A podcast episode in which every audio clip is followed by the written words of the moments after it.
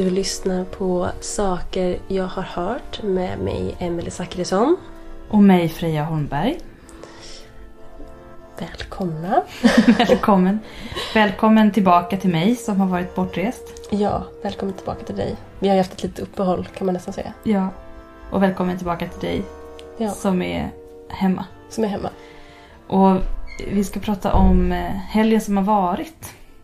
Fi, firan, firandet som vissa åtminstone har ägnat sig åt. Mm. Det är ju Lucia-firandet vi pratar om. Ja, Och saker vi kommer att tänka på. personer och företeelser och myter och legender. Precis. Så jag tänker vi börjar med Lucy i Svärstorp. Eh, det var en eh, intressant figur, död 1620. Hon avrättades för häxeri. Och det gjorde hon i Östergötland i Hällestad. Hon ställdes inför rätta den 30 augusti 1619 där hon erkände att hon hade träffat Satan och tagit honom till sig vid tre tillfällen. Hon erkände även ett besök vid Blåkulla. Men vid den andra rättegången så bad hon om att få leva och svarade inte på anklagelserna. Man kan ju tänka sig att hon kanske vid den andra rättegången var trött på att bli torterad. Och bara sa så här typ döda mig, döda mig. Jag vill inte erkänna mer för ingenting är ändå sant. Jag vet Mm. inte. Eller att hon kanske fick höra om andra processer som flippat ur. Men jag tänker att vi återkommer till senare. Alltså häxprocesserna, eh, det räckte ju inte med att man erkände utan ofta så vred de om ens tummar och så krävde de att man skulle ange fler. Det var därför det blev processer. Att de, det var inga enskilda fall utan det... Ja, Det var en stor enkelt. process. Det, det, det flippade helt enkelt. Men vi kommer återkomma till det. Ja. Eh, och Lucy, varför hon kallas för Lucy, är intressant. Kanske kallas hon för Lucy fast hon heter någonting annat. Eh, Lucy var ju ett namn som som man kallade häxan eller den, den farliga figuren som lurade om Lucia-natten. Eh, det vill säga den 30 december. Och det här var ju innan vi firade Lucia utan det var liksom när vi firade Lucy. Eller snarare vakade i Lussevaka. Och vad hette kalendern som vi hade då? Ja, och det var liksom fram till 1300-talet tror jag det var. Men eh, under medeltiden framförallt. Men det var under den julianska kalendern har jag för mig. Och då så var den eh, 13 december den mörkaste natten om året. Vilket innebar att det var ju då man satt uppe och hade midvinterblot helt enkelt. Mm. Nu är ju midvinterblotet, det vill säga eh, midvintersolståndet mellan den 21 och den 22 december tror jag. Mm. Ibland 21, 20 till 21. Men i alla fall, så då satt man upp och vakade och tänkte att de här hemska andarna och eh, demonerna och varelserna om natten skulle ta en. Speciellt om man inte hade stökat klart inför jul. Om du inte hade gjort alla julförberedelser, då skulle Lucy komma och ta dig. Precis. Det nämner ju till exempel Liv... Nu gör vi lite reklam. Mm? Men det är för att vi tycker att det här är bra. Ja, Liv Strömquist nämner ju eh, Lussikärringen just det. Samma. eh, som, eh, som kan komma eh, den 13 december. På medeltiden trodde man att den onda kvinnliga demonen Lucy eller Lussikärringen var ute och härjade med sitt följe denna natt. Lucy var känd för att till exempel räva bort barn och straffa folk som inte var klara med sina julförberedelser. Mm. Sen kommer en grön galen person som skriker Varför har ni inte plägat er sill? Till en stackars oskyldig människa. Var, det fanns också idéer om att det här var då Adams första hustru. Som eh, Adam hade gjort slut med för att hon hade en sån dominant sexualitet och var allmänt ond. Så hon, eh, ja, eller så gjorde hon kanske slut med Adam förresten. Han kanske inte De- var lika... De bröt upp. De var inte lika kompatibla. De, De lika de bröt upp och Lucy levde rövare och flippade ur alldeles för sig själv. Hon fick vara fri den, i den här idén då, medeltids-Lucy. Eh, Ja. Och att försöka spåra Lucia-firandet har vi försökt nu. Det går ju åt helvete för det är ju... det är ju ett jävla hokus pokus. det Det är ett mischmasch av ett, allt. ett mashup av, av massa olika idéer och myter och legender som sagt. Som man korkar in. Men om vi, Vi, går tillbaka, vi försökte gå tillbaka till våra, våra favoritämne, romarriket. Romarriket. De gamla grekerna. Nej men ja, det är ju ofta där vi hamnar. Ja, och där hamnade jag i Saturnalia. Som är den eh, gammelfirandet av jul. Mm. Eh, som kanske mer liknar den jul vi har idag än midvinterblot och luciafirande. Mm. Eh, Saturnalia var att under, jag tror det var en och en halv eller två veckor så vändes hela samhället upp och ner, citat. Eh, att slavar styrde över sina husbönder och de fick äta eh, mat vid husbondens bord och sen fick bonden äta det som blev över. Och, och plötsligt så fick man spela, eh, satsa pengar på saker och eh, spela i offentligheten och dricka. Eh, Gå på bordeller och allting. Allting som var förbjudet annars Mm. eh, blev plötsligt väldigt tillåtet. Var det inte en del eh, skit och pisskastning också? Pisskastning? Jag vet inte, tänkte att man kastade kiss på varandra. Alltså de... Jaha, Eller? jag vet inte. Det var det säkert. Jag får för mig det. Det är romarrikets groteskhet. Liksom. Ja, Ja, det var ju- får liksom göra smuts, jättesmutsiga, ultimat smutsiga saker. Jag tror att det har hänt i romarriket att någon har kissat, kastat kiss på någon. Någon har gjort en golden shower någon Ja, gång. någon gång. eh, men det, det vet jag inte så mycket. Men man gav, man gav i alla fall varandra presenter. Och det var tydligen samma stress och hets kring presenterna som det är idag. OMG. Ja. Saturnalia-presenter. Eh, och då gjorde jag en ganska... Jag gjorde en grek som, eh, som det brukar kallas. att, eh, att vi har ett ord och sen så säger jag men det här ordet härstammar egentligen från den här roten av ord. Eh, så som grekerna ofta brukar göra med gre- grekiskan och säga att allting kommer från grekiskan.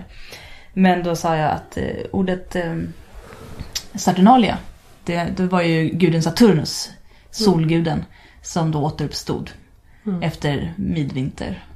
Ja, solståndet. Ljuset kommer åter liksom. Ja. Eh, Så Saturnus blev i den kristna traditionen Satan. Mm. Eh, och eh, Lux är gjord för ljus. Och det blev ju Lucifer, ljusbäraren. Mm. Så alla referenser till de gamla romerska och hedniska traditionerna om ljus och solgudar har ju blivit Satan och Lucifer och sånt Mm. idag. Morgonstjärnan. Morgonstjärnan. Och Saturnus är ju eh, romarnas ord för Apollon som är ute och skuttar på himla, himlavalvet med eh, sin vagn av ljus. Japp, Och har ofta så här en stjärna på huvudet. precis. En stjärna som också kan liknas vid horn. Exakt. Spetsiga saker på huvudet Mm. brukar ju inte vara positivt. Mm. Eh, Så då, då var vi där i Saturnus-firandet och romarriket och då kom vi också in nu låter det som att vi redan haft det här samtalet, Ja. vilket vi typ har haft. Men, men det är bara för att vi ska få I vår research I vår och i vår, vår, våra tankegångar. Vilket är roligt eftersom att vi inte ska ha några källor egentligen. Men nu, Källorna är högst tveksamma. ja, citatet vi läste nyss kom ju från Wikipedia. Och Liv Strömquist är ju i och för sig inte tvivelaktig. Nej. Men ja, eh, öppet för tolkning. Hon är min solgud. Hon är min Saturnus. Ja. Eh, jo, vi kom ju till det här med kristendomen, för den kom ju skuttande. Hoppeli hopp. Och den sågs ju som en eh, sekt eller konstig kult under romar, romarriket. Eh, det var ju som vi har nämnt tidigare ganska många kejsare, eller framförallt vissa kejsare som jobbade extra hårt på att eh, ha ihjäl kristna på olika sätt. Och då kom vi ju till helgonet Lucia. Mm. Och där hade vi lite, där, kring henne finns det mycket Många myter. Många myter och tankar. Du får börja med dina... Ja, jag, jag har funnit många... fram. många hon, hon dog ju i martyrskap, det är ju klart. Och hon levde under 300-talet typ. Eller så dog hon under 300-talet. Ehm, och hon eh, var väldigt kristen. Under en tid då där man inte helst skulle vara kristen. Och eh, av olika anledningar så tyckte ju många illa om det här. Ehm, hon blev till exempel tilldelad eh, en eh, make av sin mamma och sa nu ska du gifta sig. Och hon sa nej, jag vill inte gifta mig. Ehm, vad hände sen? Jo, och då bad hon till Gud och sa. Snälla, snälla, hjälp mig. Och som den barmhärtige guden eh, tänkte woho, asbra plan. Nu ska mamman insjukna i blödarsjuka. Party party. Party. Eh, mamma mådde skit. Eh, och Lucia sa, hörru du, ska vi inte åka till det här mystiska helgonet som heter Agate eller Agate? Ja. Till någon, till någon grav som man gör. Och där, Och lite. och där så uppenbarade sig Agate, Agate, eh, Agata ibland. Agata, Ja. Ragata. Ragatan kom Och fram. sa, varför ber du mig om hjälp med någonting som du kan göra själv? Just det. Och då, din tro har gjort din mamma frisk. Ja. Eh, och då insåg väl Lucia att joho, jag har... Jag, jag eh, ska minsann inte gifta mig utan jag... Jag tänker att det är någon, någon tidig så här nun... nun Nunneprocess. jag har en relation till Gud Ja. och lever i ett monogamt förhållande med, med den. Hon gav ju också ett kyskhetslöfte när hon var väldigt ung. Mm. Som hon höll hemligt. Hon skulle aldrig ligga med en man. Eller någon. Eller någon. Antagligen. Ja, i alla fall, Skulle- hon skulle i alla fall inte bli gravid så att någon kunde se att hon hade legat med någon. Ja, hon skulle inte bedriva offentlig otukt. eh, Så skulle inte ligga med någon på stan så att Nej. alla såg. vare sig på stan eller hemma. Mm. Men i alla fall så säger hennes mamma då att eh, nej du, du, nu, du ska inte behöva gifta dig med någon. Det är lugnt, det är Ja. chill. Men då är det någon snubbe. Ja, ja nej men det är ju som hon var trolovad med. Han Ja. blev kränkt av att Super. mamman ställde in äktenskapet. Eller trolovningen. Så han går Och skvallrar skvallrar. hos, den, hos kejsaren som hatar kristna. Ja, min eh, fästmö hon kan inte gifta sig med mig för hon är visst kristen. Och då gick det inte bra. Då blir det dålig stämning. Då blir hon eh, haffad. Haffad. De haffar henne på stan. Eh, och, och släpar iväg med henne. Och sen så misstänker jag att de eh, torterar henne på olika sätt. Ja, de, till exempel så skulle de, eh, de drog henne bakom någon vagn med oxar. Vad var det? Ja, Ja, de, så skulle de, De är väldigt påhittiga. de skulle, hällde kokande olja på henne i offentligheten. Och det, det hände ingenting då. Nej. Hon blev inte skadad. hon överlevde det. Mirakulöst så räddades hon av sin tro. Mm. De utsätter henne för diverse vidrigheter. Eh, och Till slut så hugger de huvudet av henne. till slut så hugger de huvudet av henne och då, då dör hon. Ja. Men sen så finns det ju den här eh, sicilianska traditionen där det sägs att hon, eh, att det var en eh, man som var kär i henne. Och hon tyckte det här var, jag vet inte vad hon tyckte egentligen. Hon var nog inte så peppad. Men hon ville bli av med honom. Så hon stack ut sina ögon och gav dem till henne. Till honom. Och då sa Gud, åh min kristna jungfru. Du är så tapper och så, eh, ja, Du är så, du, du, du är så jungfrulig. jungfrulig och, vad, vad ska man säga, trogen. Trogen, så jag ger dig synen åter. Och hennes nya ögon var vackrare än de förra. Än de gamla Ja. skruttiga ögonen som han fick dras med. Gammelögonen. Därför avbildas hon ofta i martyrbilder med ögonen på ett fat eller ibland hängandes eh, på en olivkvist. Hänger och dinglar som en jul, juldekoration. Japp. Och en, en annan eh, grej, det här med att hon har ljus på huvudet är ju för att hon har varit nere i fängelsehålor och matat kristna fångar. För det här, man måste ju få in det här med att man ska käka, man ska Mm. äta grejer. Och då, och då, för att hon skulle kunna bära så mycket mat som möjligt så sätter hon på sig den här ljuskronan. Och så joggar hon ner i fängelset Ja. och delar ut mat. Och när jag var liten och bodde i den lilla konstiga byn Lillhärdal i Härjedalen som vi kommer att återkomma till. Mm. Så, så var jag med i ett väldigt, väldigt seriöst Lu- Lucia-tåg. Och då frågade jag vad, för i Lillhärdal så har Lucia ett rött band runt magen. Medans tärnorna har blå band. Och då frågade jag varför det var så. Och då sa den vuxna körledaren till mig att det var för i sann Bröderna Grimm-anda då också, så sa hon att det var för att eh, Lucia var ett helgon och hon hade fritagit kristna fångar. Och sen kom romarna och skar upp magen på henne och då rann det liksom blod på hennes nattlinne. Och det var det röda bandet. Mm. Och det hade då inte hänt med tärnorna. Tärnorna var liksom inte riktigt med i bilden. Eh, Och då, jag, när jag växte upp så var- hade ju tärnorna, de hade silverband. Glitterband. mhm. Eh, eller också röda band, men de hade ju inte kronan. Nej, man, vi hade glitter runt huvudet och sen hade man en ljusmanschett som man absolut inte fick hålla framför munnen för då kunde man svimma.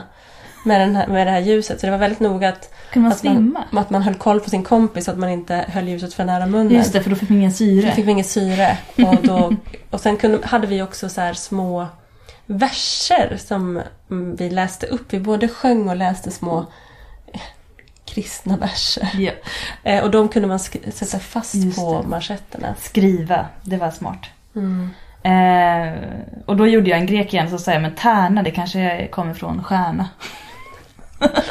Och då är det ju då återigen koppling stjärna, morgonstjärna, morningstar, satan. Ja, Satan! Allt går att koppla tillbaka till Satan. Ja. Och på tal om Satan Ja. så har vi ju gay, en världshistoria här. Ja, för då har vi tänkt på att andra personer, förutom Lucy, Lucia, alltså det är ju alla, alla är, allt det här är ju eh, människor som avviker från normen och på något sätt blir eh, bestraffade. Lucia blev, eh, ville vara, ass, ja, jag misstänker att hon kanske, hon hade inte lust att ligga med någon. Nej. Eh, och det, då blir en snubbe sur och skar upp magen på henne.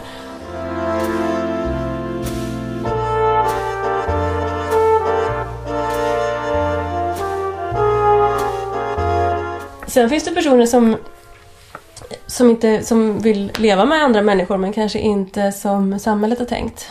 Ja, Det här med normer och så. Eh, så nu har vi en annan bok. en, en fantastisk bok som heter Gay, en världshistoria. Eh, Mm. Och eh, det jag tänkte läsa här handlar om nunnor. Just det. Nu. En, en klassiskt återkommande tema inom den lesbiska historien. Mm. Eh, Jag tänker att Lucia var en väldigt, väldigt tidig nunna. ja, hon ville i alla fall bli... Hon hade ju kyskhet som en nunna borde ha. Man ska komma ihåg att jag tror att under medeltiden i alla fall så det här med att, att gå i kloster och vara nunna måste ha varit, man fick vara i fred. Mm. Fick ägna sig åt litteratur. Man fick ha det lugnt och skönt och umgås med andra kvinnor. Och det kunde inte komma en massa snubbar och kräva massa saker. Ganska skönt. Ganska skönt. Eh, här har vi två nunnor då som på 1600-talet eh, bodde i ett kloster och de ställs inför rätta. Ehm, men de skyller ifrån sig och säger att det var inte de som gjorde de här handlingarna utan det var den ena nunnan blev besatt av ängeln Gabriel. Och ängeln Gabriel hade gått ner i den ena nunnan och gjort så att den ena låg på den andra och de hade tvingats till de mest oanständiga handlingar. Eh, och i detta så hade det till och med blivit så att båda hade fördärvat sig.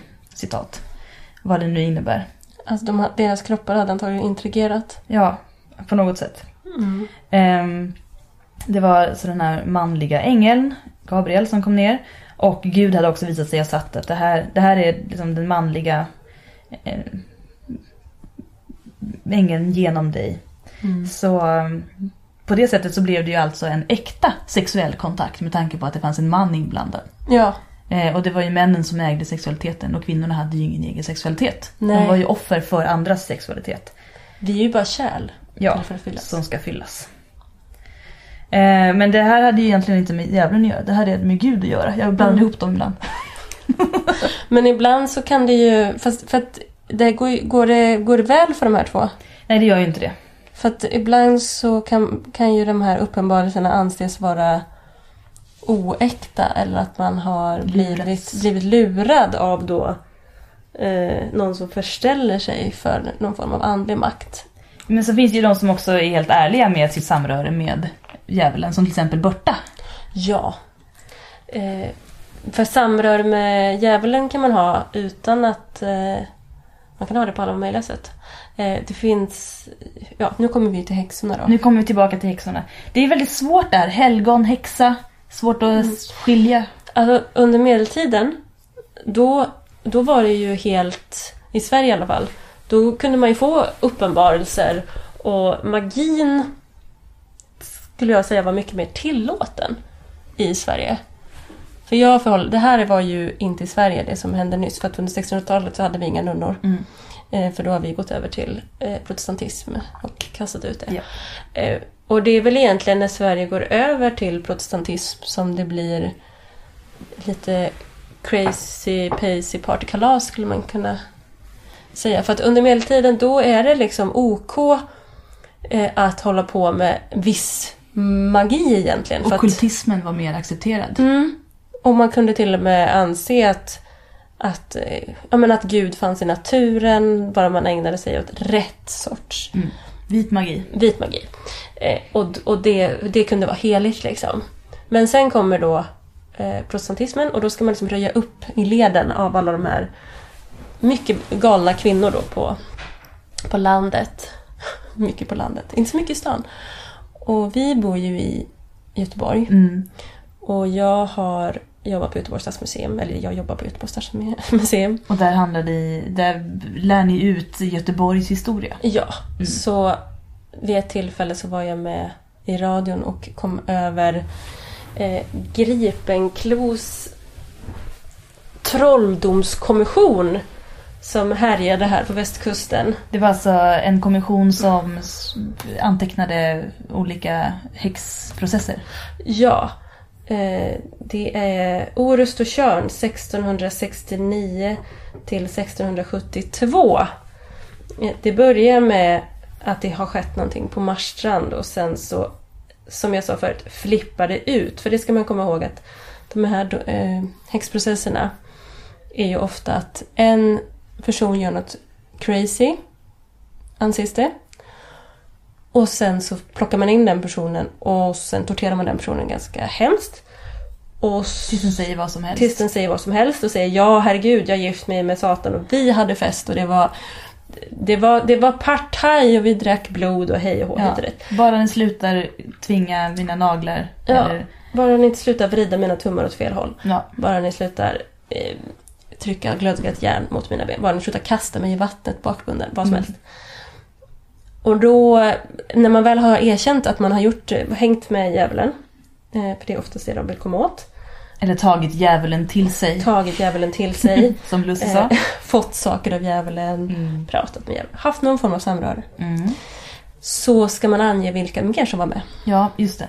Därav processen. Därav processen. Peka ut de andra skyldiga. Och så pekar man ut. Och det är liksom som eh, ett domino. Liksom, att en faller och sen ska fler och fler och fler och fler. Och fler. Ja. Som ett korthus som faller samman. Att man ska ju säkert helst ange sådär en fem, sex, beroende på hur stort samhälle det är, så ska man ange en fem, sex stycken. Som, som ska vara skyldiga till någonting. Och det kan handla om att det är obegripliga saker som har skett som man känner att man behöver ha en övernaturlig förklaring på. Till exempel att en båt går under under en åskstorm och att en massa folk dör. Mm. Det kan liksom, då vill man ha en förklaring på det. Och det, vill man, det sker på Tjörn. Rannsakning i Mollösund. 1669. Den 19 augusti blir det va? Mm. Jag vet inte. Helt, fram till den 21, augusti. Mm. Då är det förhör med diverse människor och det är nu Berta Kräm, Krämars från Mollösund. En kvinna om 80 år. Vilket är en, det är en gedigen ålder på 1600-talet. Det är en väldigt bra Folk ålder. lever inte Det är liksom länge. dubbel medelålder. Ja, jag skulle säga att 40 är en, det är en rimlig ålder. Ja. Mm. Hon har levt jättelänge. Och hon är lite unik för hon påstår att, eh, ja, när de säger så här, Hörru du, du har blivit angiven. Eh, en av hennes gamla polare, Malin, som, som dör i häktet för att hon blir så torterad. Hon anger diverse folk och sen går hon och dör. Bland annat anger hon Berta och Berta säger Jajamän, inga problem. Självklart känner jag Satan. No problemos. Och sen börjar hon ange folk. Och sen hittar hon på allt möjligt vansinne. Det bara, finns, inga, finns ingen hejd. Hon påstår till exempel att en av hennes grannar, stackars Per Larsson, han har en pipa va? Mm. Som han kan blåsa väder med. Så han... Jag kan blåsa väder också. På andra sätt. på andra, ta till väder. eh, han kan alltså påverka vädret så att det blir storm. Och sen kan hon förvandla sig till fåglar. Och hon, hon blir liksom anklagad för att hon har satt olika besvärjelser på folk. Folk har, som hon har pratat med och som kanske har gjort henne illa, har sen, sen skadat sig på olika sätt. Mm. För hon, hon var och plockade ved hos någon gubbe och då gick han och drämde till henne och sen bröt han av sig benet. Det, ja, han, han bröt benet och då bryter man benet på 1600-talet då är det typ kört. Ja. Och sen var det någon annan kvinna som snackade skit om henne och hon blev sängliggande så galen tills hon tynade bort som det står. Och så frågar man Bert om hon ångrar sig och det kan man säga, det gör hon ju inte. Utan hon, hon har också fått saker av djävulen. Bland annat har hon fått en liten, liten grå dräng. Som, hon, som, som alltid är hos henne.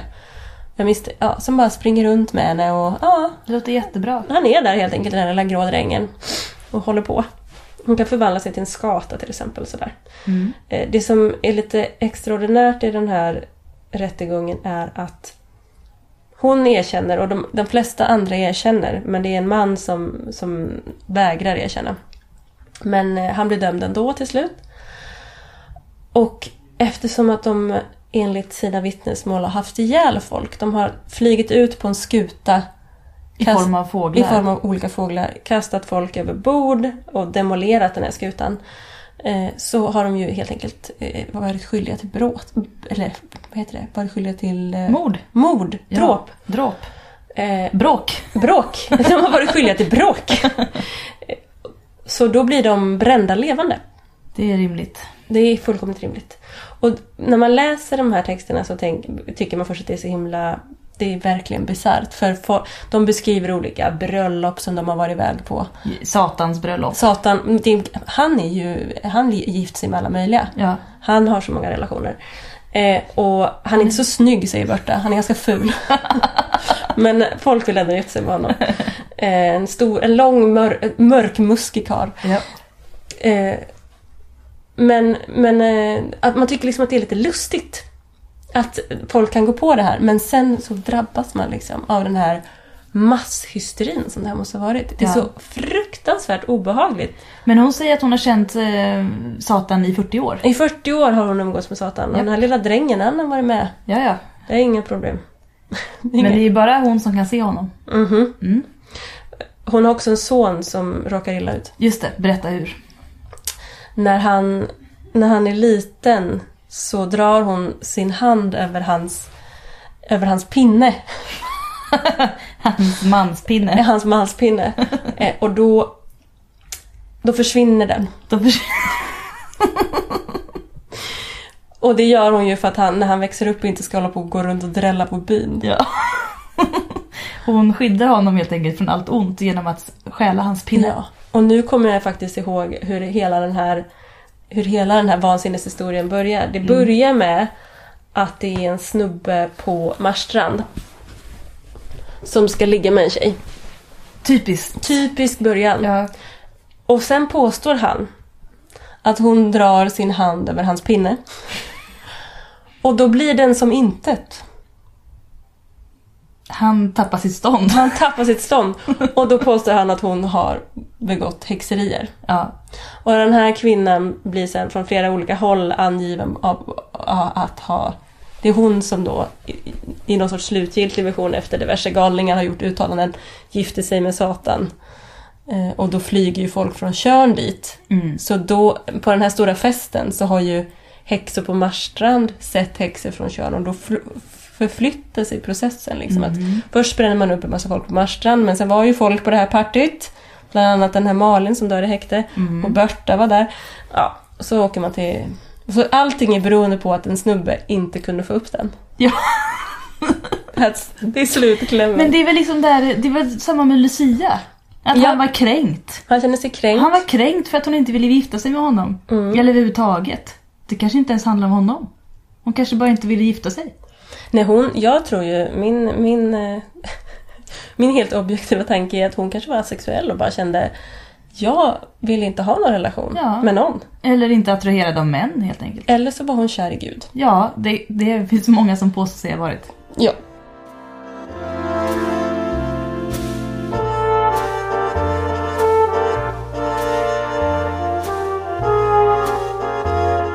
Alltså, jag tänker också på, om man ska dra en liten koppling till, eh, till mig själv.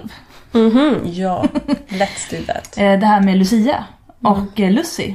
Ibland så kallas, eller vissa säger att den här Lucy-personen också härstammar från vanernas eh, personlighet Freja. Just det. Vanerna i den nordiska folktron. eh, var ju ett eh, gudasläkte Mm. som ofta handlar om fru- fruktbarhet. Frej Mm. och Freja och Frigge och så vidare. Ehm, och eh, Frejas vagn drogs ju av några katter. Mm. Därav lussekatterna som vi äter. Mm. Och, så de kan vara en härstamning från när man firade Lucy. Mm. Freja blir ju också demoniserad av en massa moralister. Japp. Bland, bland annat, alltså även i, jag vet att nu återigen citat Liv Strömquist. eh, att Freja skulle ha varit eh, poly, polyamorös. Oh! Ja, alltså hon tog ju alla fallna krigare till sig. Alla fallna krigare. Why not? Ja. Men sen finns det också någon historia om hur hon blir väldigt förälskad i ett halsband. Mm. Som hon tycker är väldigt vackert. Eh, och då är det en massa dvärgar. Klassiskt. Är Snövit också? Mhm, precis. eh, och de här vill inte ge ifrån sig det här halsbandet men då säger hon men jag kan väl, eh, jag kan hänga här ett tag, ligga med er. Yes. Kom då. Och då får hon halsbandet. Och sen så eh, har hon jättetrevligt ett tag med de här dvärgarna och, le- och lever med dem en tid. Som det står. Hon lever med dem en tid. Så får hon halsbandet. Hon skickar slaget runt. Eh, ja, eller så Ja. säger hon Kom, kom. kom kom. Mm. Eh, hon har lite dvärgharem helt enkelt. Ja. Hon lurar till sig. Ja, precis. Det sägs också att när hon gråter så gråter hon diamanter. Bara inflik. Alltså Freja är ju en riktigt härlig partymänniska skulle jag säga. Och det är många som säger så här, nej men Freja det är den, den germanska versionen av eh, Venus eller Afrodite.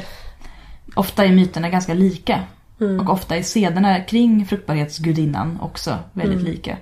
Eh, hur man firar och hur man festar och vad hon står för och att hon är både farlig och eh, ja, givande och så vidare. Ja, jag funderar på om det kanske också finns någon i egyptisk och i indisk. Isis Isis. och Mitra. Mm. Jag förstår. Det är så skönt. Jag har min alldeles egna Wikipedia här. Eh, ja. Mit- Mitra var mer babylonsk. Men eh, det finns... Eh, Är det hon som är den babyloniska skökan? Det som kan det vara. nämns i, i, eh, i Bibeln. Ja. Ja, det kan hon absolut vara. Eh, vad skulle du säga? Nej, jag försöker komma på när, när det är hon nämns. jag kan inte Bibeln utan till. Ja. Det fanns ju väldigt många seder kring eh, den här fruktbarhetsgudinnan. Eh, Det sades ju till exempel att eh, alla oskulder skulle tas i äran av Isis eller Mitra eller Venus eller ja, gudinnan Mhm. helt enkelt. Gudinnekulten som fanns. Så gudinnekulten i grekisk mytologi och i romersk mytologi och i germansk mytologi har mycket äldre rötter och kommer från ja, babylonska traditioner. Där man hade olika typer av orger. Där man tog oskulder helt enkelt. Inte alltid på ett helt schysst sätt såklart. Nej, det kanske inte alltid var 100% samtycke där. Nej. Och eh, blodet då som kommer vid oskuldens tagande var heligt. Var på blod och eh, sex hänger ihop. Ja, Stora ögon. stora ögon på den, på den känslan där. Blodet. Och då tänker jag ju på det här mag, magblodet Magblodet ja. från Lucia som jag med stora ögon fick berättat för mig Ja, som, som barn. just det. Vad var det de gjorde egentligen, romarna? Ja, var det verkligen att de skar upp? Jaha. Eh, Jag kan inte låta bli att tänka på mens. Nej. Så vi kan väl bara säga nu, utifrån allting som vi har hört ikväll, Ja. att Lucias band egentligen är mens ja, som rinner längs med benet. det kanske är någon sån här vuxenhetsrit. Eh, att, man, att man fläckar ner sitt nattlinne. Ja, Sin, sin, vita särk, sin vita särk. Då är man vuxen. Det är kört. Då ska man bära maten till resten av gänget. Fy fan. Gud vilken fantastisk symbolisk handling. Ja. Jag dukar upp ett fat med lussebullar. Katterna som drar min vagn. Mm. Jag har mitt mensblod nedfläckat på mitt nattlinne. Mm. Min oskuld är tagen. Jag börjar nu tjäna eder. Fy fan. Fy fan. Alla dessa dudes. Dude bros. Allt på grund av kränkta män. Ja. Är det här vi slutar? Eh, jag vet inte. Jag tror det. Är det här vi, är det här vi sätter stopp? Jag vet inte hur länge vi, hur länge Ja, vi håller på. jag vet inte. Ska vi kolla? Det är här vi slutar. Det är här vi slutar. Tack och hej. Ja, tack och hej. God jul! God jul! Jättegod jul. Med många lussekatter och andra ljus. Sådär. Och blodpalt. Blodpalt, midvinterblot, vaka hela natten och akta er för Lucy. Kom ihåg, pläga i sill, annars kommer Lucy. Annars kommer Lucy.